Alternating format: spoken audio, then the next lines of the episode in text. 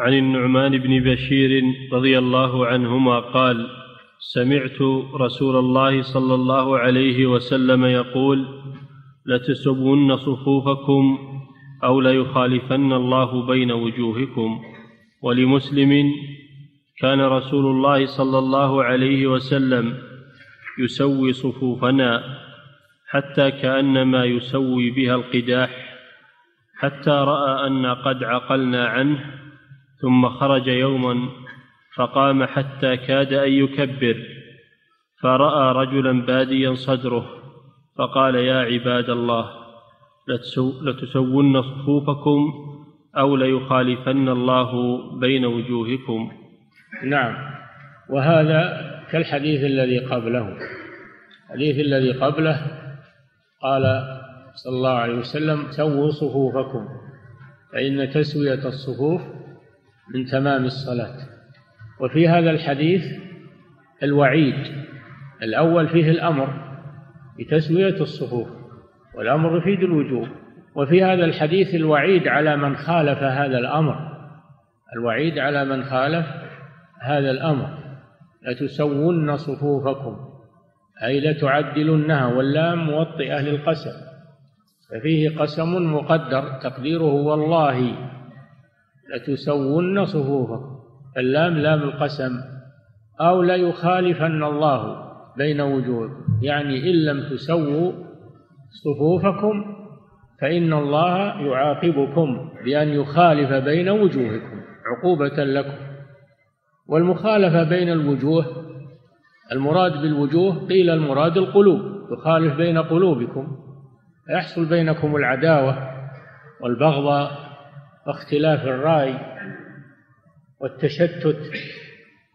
أما إذا سويتم صفوفكم فهذا يحصل به المحبة واتفاق الرأي والتربية على الاجتماع التربية على الاجتماع اجتماع الكلمة اجتماع القلوب.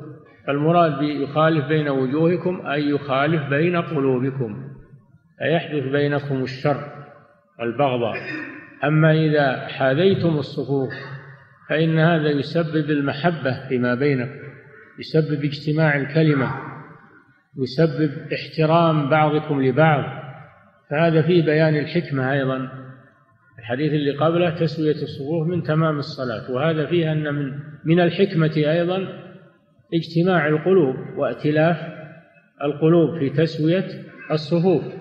وقيل المراد أو لو يخالفن الله بين وجوهكم بمعنى الوجوه الحقيقية.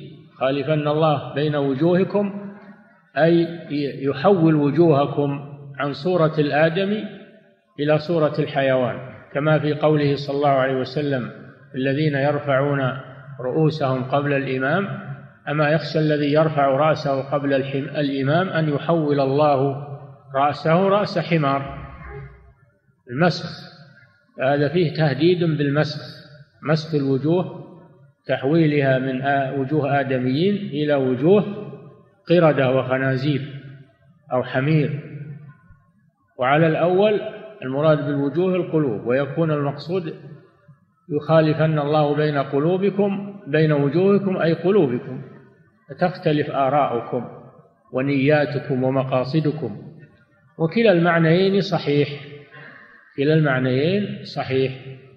وفيه أن أن هذا مسؤولية الإمام أن تسوية الصفوف مسؤولية الإمام وأنه يجب على الإمام أن يتعاهد الصفوف حتى تستقيم وتعتدل لأن النبي صلى الله عليه وسلم كان يهتم بها ويأمر بتسويتها وينهى عن مخالفتها فالإمام مسؤول عن هذا. وفي الحديث الآخر أن النبي صلى الله عليه وسلم كان يسوي بينهم في الصف كما يسوي القداح وهي خشب السهام. لأن خشب السهام تكون متساوية. إذ لو لم تتساوى لم يصب السهم الرمية. لا بد أن تكون القدح مساويا للسهم حتى يصيب الغرض. إذا كان القدح مخالفا للسهم فإنه لا يصيب الغرض.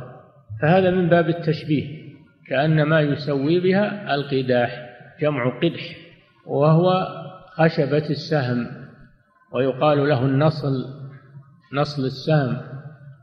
حتى إذا رأى أن قد عقلنا يعني قد فهمنا هذا الشيء والتزمنا به رأى مرة أراد أن يكبر عليه الصلاة والسلام فرأى مرة رجلا واحدا في الصف باديا صدره باديا صدره يعني متقدما على غيره في صدره فقط. فإنه غضب صلى الله عليه وسلم وقال لتسون صفوفكم أو ليخالفن الله بين وجوهكم كما سبق.